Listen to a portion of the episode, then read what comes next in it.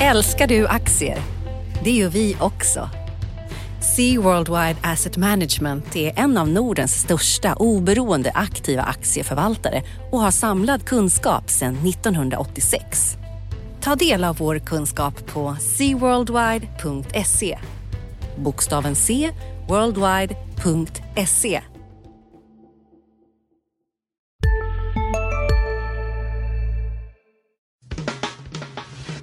Analyspodden från Dagens Industri. Hej allihopa! Välkomna till ett nytt avsnitt av Dagens Industris Analyspodden. Den här veckan med den dynamiska duon Martin Blomgren. Det är jag som pratar och mitt emot mig har jag Magnus Dagel. Jajamän, tack så mycket. Välkommen Magnus! Radarparet nu får man väl säga. Ja, det, det kan man väl säga. Och vi kommer att prata ganska, om ganska mycket nyhetshändelser den här veckan som vanligt. Vi har, eh, kommer att titta på börsen såklart. Vi kommer att prata om ABB, men inte det ABB vi brukar tänka på. Vi kommer att prata om vinster i välfärden och börshöstens hot kan man Ja, eh, Kanske sammanfatta det med. lite Tobii också kanske. Lite Tobii, lite spelbolag kanske Ja. vi också hinner klämma in. Så att eh, spänn fast så åker vi. Ska vi börja med att titta på hur börsen har sett ut senaste veckan. Eh, den har ju inte rört sig speciellt mycket. Nej. Det är otroligt små Stort rörelser. Ja, stort sett oförändrat och det som man brukar kalla för vollan har varit låg. Då. Det, det står och slår kring nollstrecket och eh, går man ända tillbaka till Brexit så är Stockholmsbörsen upp nästan 15 procent, små och medelstora bolag upp ännu mer. Så att förutom den här veckan då, så har det varit en otroligt stark börssommar. Det har det faktiskt varit. Det är väldigt särskilt också. Man är storbolag ganska svagt och ja, småbolag.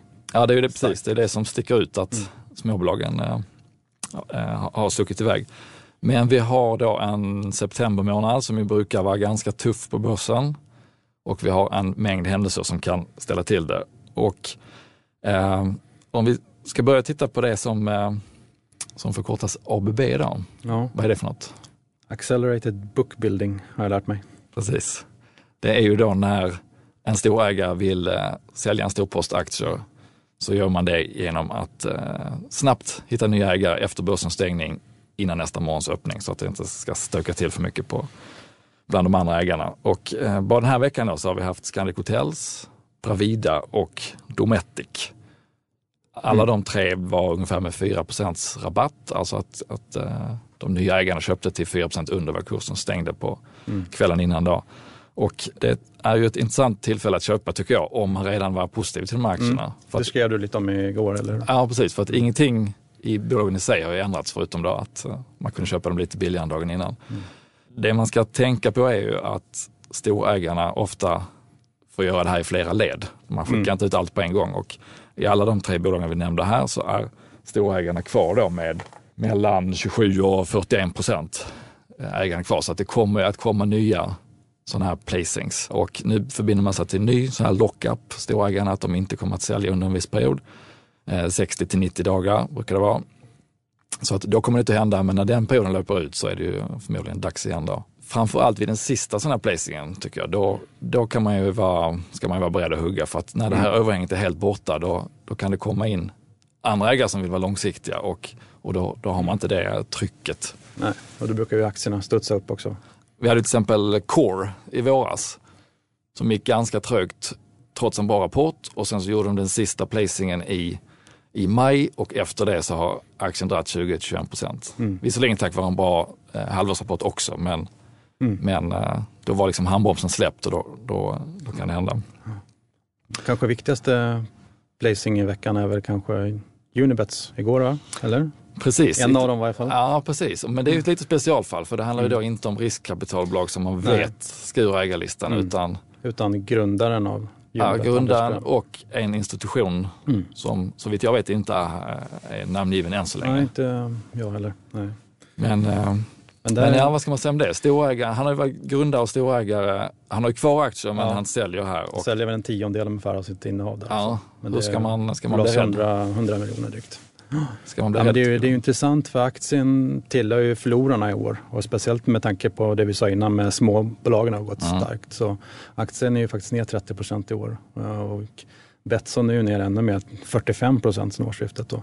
Så det har ju varit en riktig spelbolagsslakt kan ja. man även nästan säga. Även Evolution Gaming och Net Entertainment är ju ner kraftigt i år. Också.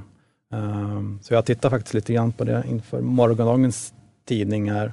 Och um, det, det beror ju inte på halvårsrapporterna, det kan man ju säga, för där är ju väldigt starka överlag. Alltså, tittar på i snitt så har de här bolagen ökat vinsten med 32 procent tror jag, mm. första halvåret. Då, så det är väldigt bra vinsttillväxt fortfarande. Um, men utan det, det är ju framförallt att P talen och värderingarna har justerats ner mm. Eh, under året. där. Eh, det drevs upp lite för mycket förra året när man eh, alla investerare jagade tillväxtbolag. Och, och ja, men det är ju strukturell tillväxt.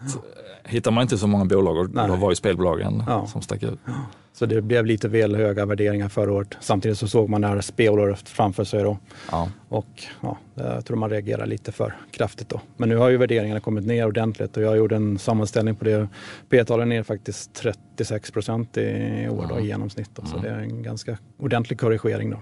Samtidigt som det kanske har, finns en ökad osäkerhet också. Det är, det är mm. fler aktörer som ska in och det som brukar hända är att de måste de blåsa på med marknadsföring för att det är ju mm. inte det, det, är ju liksom inga helt unika produkter de säljer direkt, Nej. utan det handlar ju om att, att, ha kundkontakten och den får man genom att blåsa på med marknadsföring ofta. Absolut. Så är det, det går ju knappt att titta på tv längre utan den blir översköljd av eh, spelbolagens reklam. Här, så det... Nej, och ska man vara med i det racet så kostar det pengar. Mm. Och framförallt så ser man att det i år har börjat komma en gnagande regleringsoro tycker jag. Mm. Eh, framförallt blev ju en oro där med Holland och spelskatten där och man, mm. man börjar oroa sig för vad som ska hända med svenska regleringen. Då.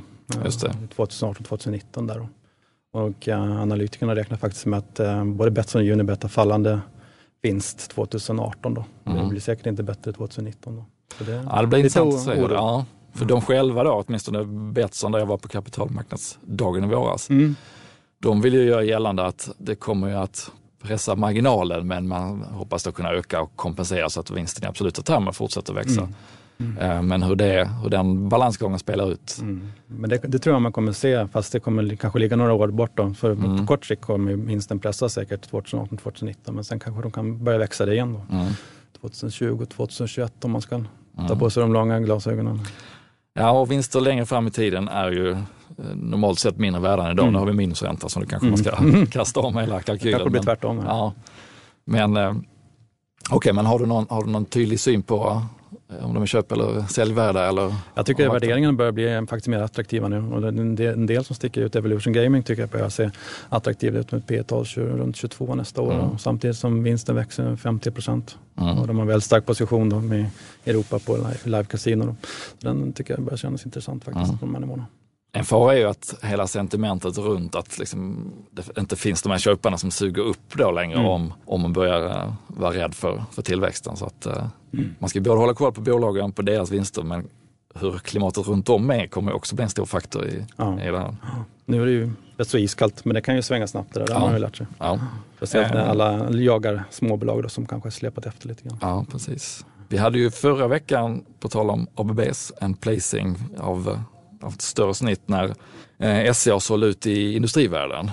Och då var ju farbror Lundberg där igen, som vanligt när det uppenbarar sig ett köptillfälle så köpte han på sig lite mer.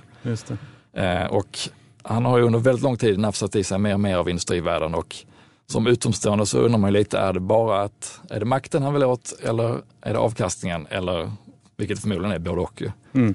Men eh, du, du tittade på hur man som ja, privatperson skulle kunna kopiera mm.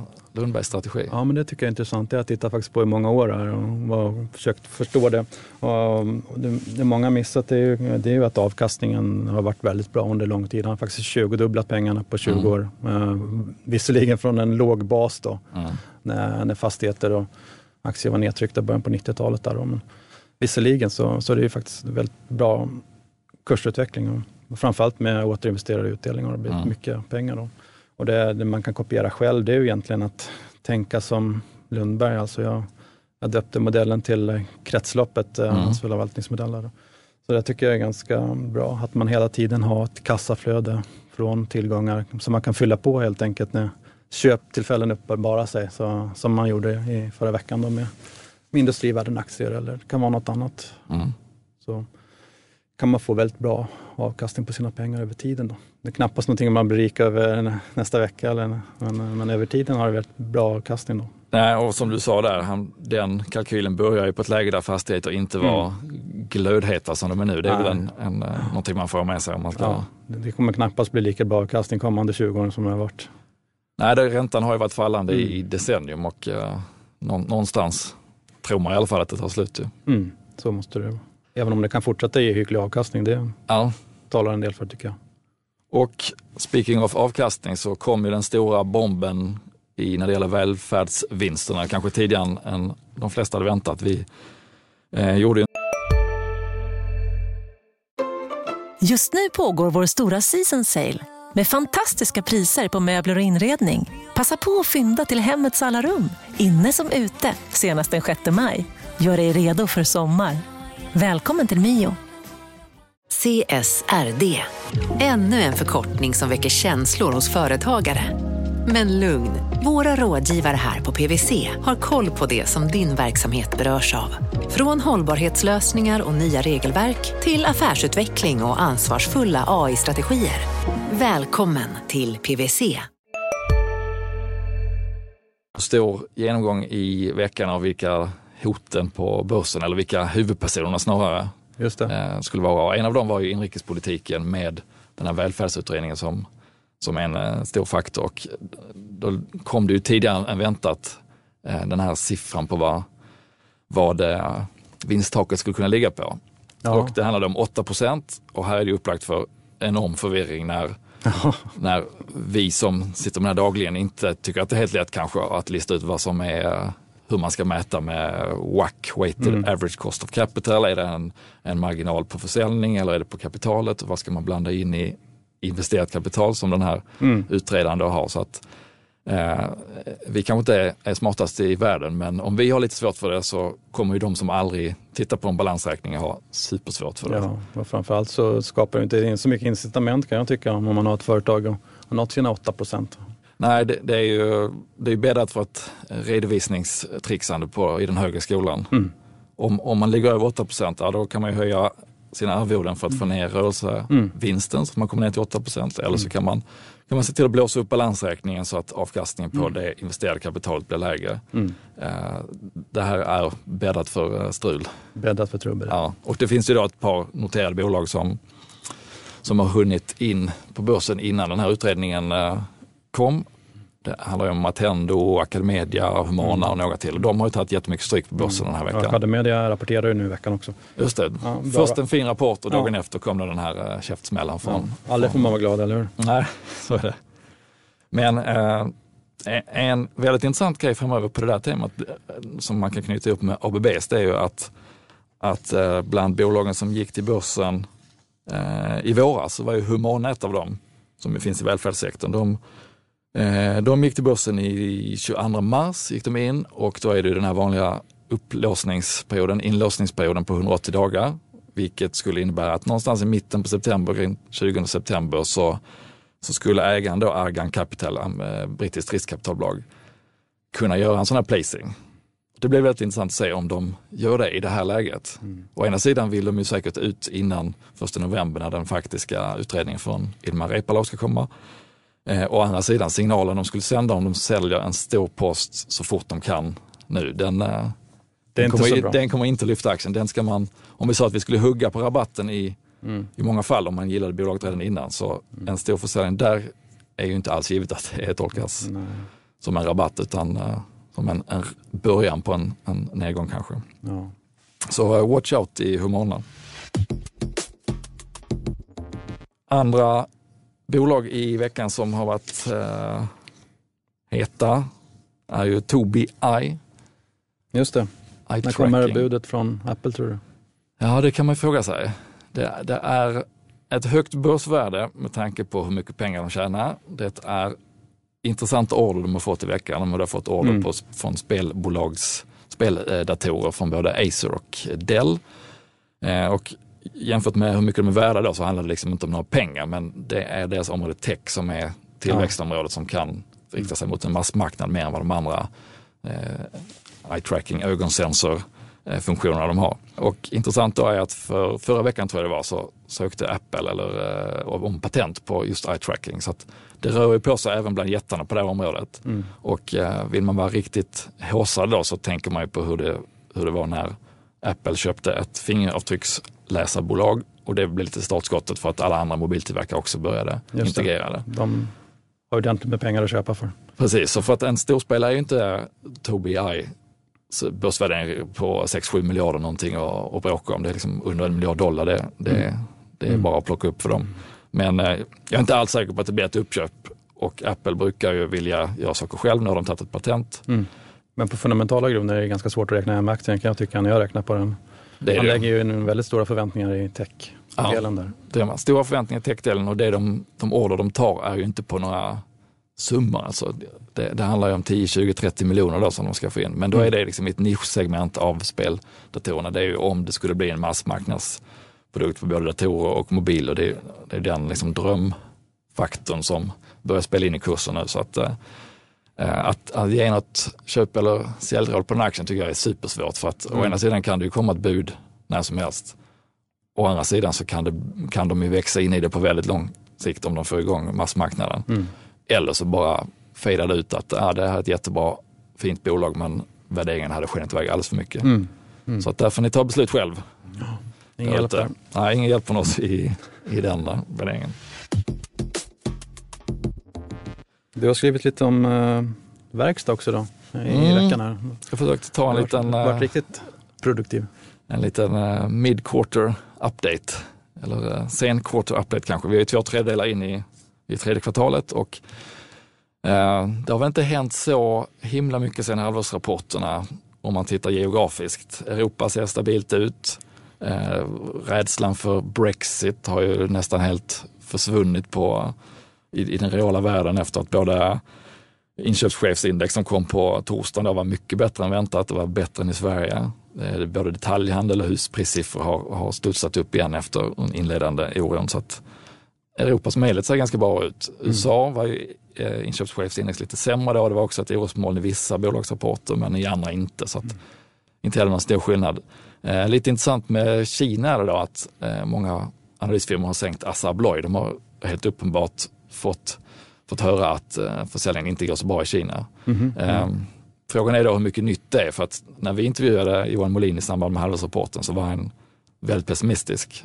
Jag frågade, vi hör andra verkstads prata att, att Kina har vänt, vad säger du? Han sa att han var pessimistisk, att det darrar på linjen, sen kommer det falla igen. Och, så det var liksom inte tal om att, att försöka ge en bild av att det var uppåt där, så att, eller att det ens eh, slutade falla. Så att, Samtidigt har man väl sett en del signaler att det börjar pigna till i Kina. Ja, det verkar väldigt tudelat. Men är man mot bostadssegmentet som, som ju Assa Abloys låser dörrar då, Mm. någon gång ska in i så är det, ju, är det nog riktigt tufft. Och sen så kanske andra delar där regeringen blåser på med stimulanser, eh, att det Mm. har, har piggnat till. Och vi har ju sett råvarupriserna gå upp under våren så att det verkar spretigt i Kina men eh, Mm. det är ju ingen bra signal att, att Assa uppenbarligen har, eh, ser en fortsatt rejält fallande försäljning. Mm. Hur ser det ut i uh, Amerika tycker du med nordamerikanska konjunkturerna? Industrikonjunkturen har ju varit svag under senaste året eller två. Ja, det är väldigt mycket den här smittan från olja, olja och råvarupriserna fortfarande. Så att bolag som är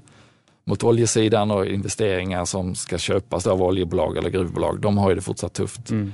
Eh, medan andra delar går ganska bra. Flyg och, och bil har gått bra.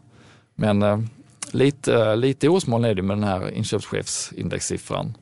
Eh, och sen får vi väl se då i eftermiddag, vi spelar in det här på strax före lunch på fredagen, i eftermiddag kommer eh, nya sysselsättningssiffran för Mm. augusti.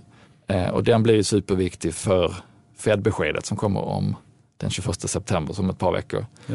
Tidigare var det ju helt uteslutet nästan att Fed skulle höja redan då.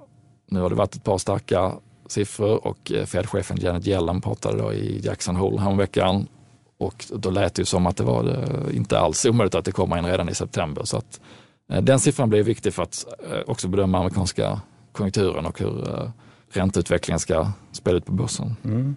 Ja, Apple kommer ju vara i fokus i veckan. Här. Mm, precis. Det iPhone är, 7 kommer det är presenteras va? garanterat en nyhetsrik vecka nästa vecka också. Apple 7 kommer förmodligen då, det har de inte berättat, men bara det att de har lagt datumet den 7 september tolkar många som att det är givet att det blir Apple 7 eller iPhone 7 som kommer då. Och där har det också hänt en hel del runt omkring bolaget. De har ju fått den här skattesmällen i Irland som de överklagar och skriker om. Mm. Och så har vdn Tim Cook sålt en, mm. Passa på en rejäl stek med aktier. Ja, jag tror det var ungefär en halv miljard som han skakade loss där. Så det blir intressant. Och sen på svenska, svenska sidan så har vi rapport från Clas Olsson. De har också sin stämma uppe i Insjö nästa lördag, så då är det väl folkvandring dit. Eh, Riksbank, Svenska Riksbanken räntebesked på onsdag och ECB på torsdag. Och de går ju då helt i otakt med Fed som, som är på, på väg att höja förmodligen medan mm. både svenska och ECB blåser på med obligationsköp och, mm. och låga, till och med minusräntor. Mm. Vad har vi med nästa vecka? Husqvarna kapitalmarknadsdag och mm. SAS har rapport. Husqvarna kanske höjer sina finansiella mål där. Mm, precis, det blir intressant att se. Om de, det är inte helt ovanligt att man passar på just vid kapitalmarknadsdagar att, att göra de här förändringarna när man har samlat alla och man har chans att förklara hur vägen till målen ska se ut. Mm. Så det är inte alls omöjligt.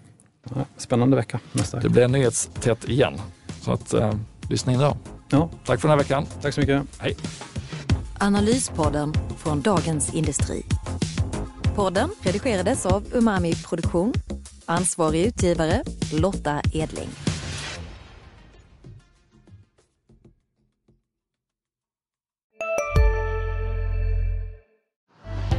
Älskar du aktier? Det gör vi också. Sea Worldwide Asset Management är en av Nordens största oberoende aktiva aktieförvaltare och har samlad kunskap sedan 1986. Ta del av vår kunskap på seaworldwide.se. Bokstaven C, worldwide.se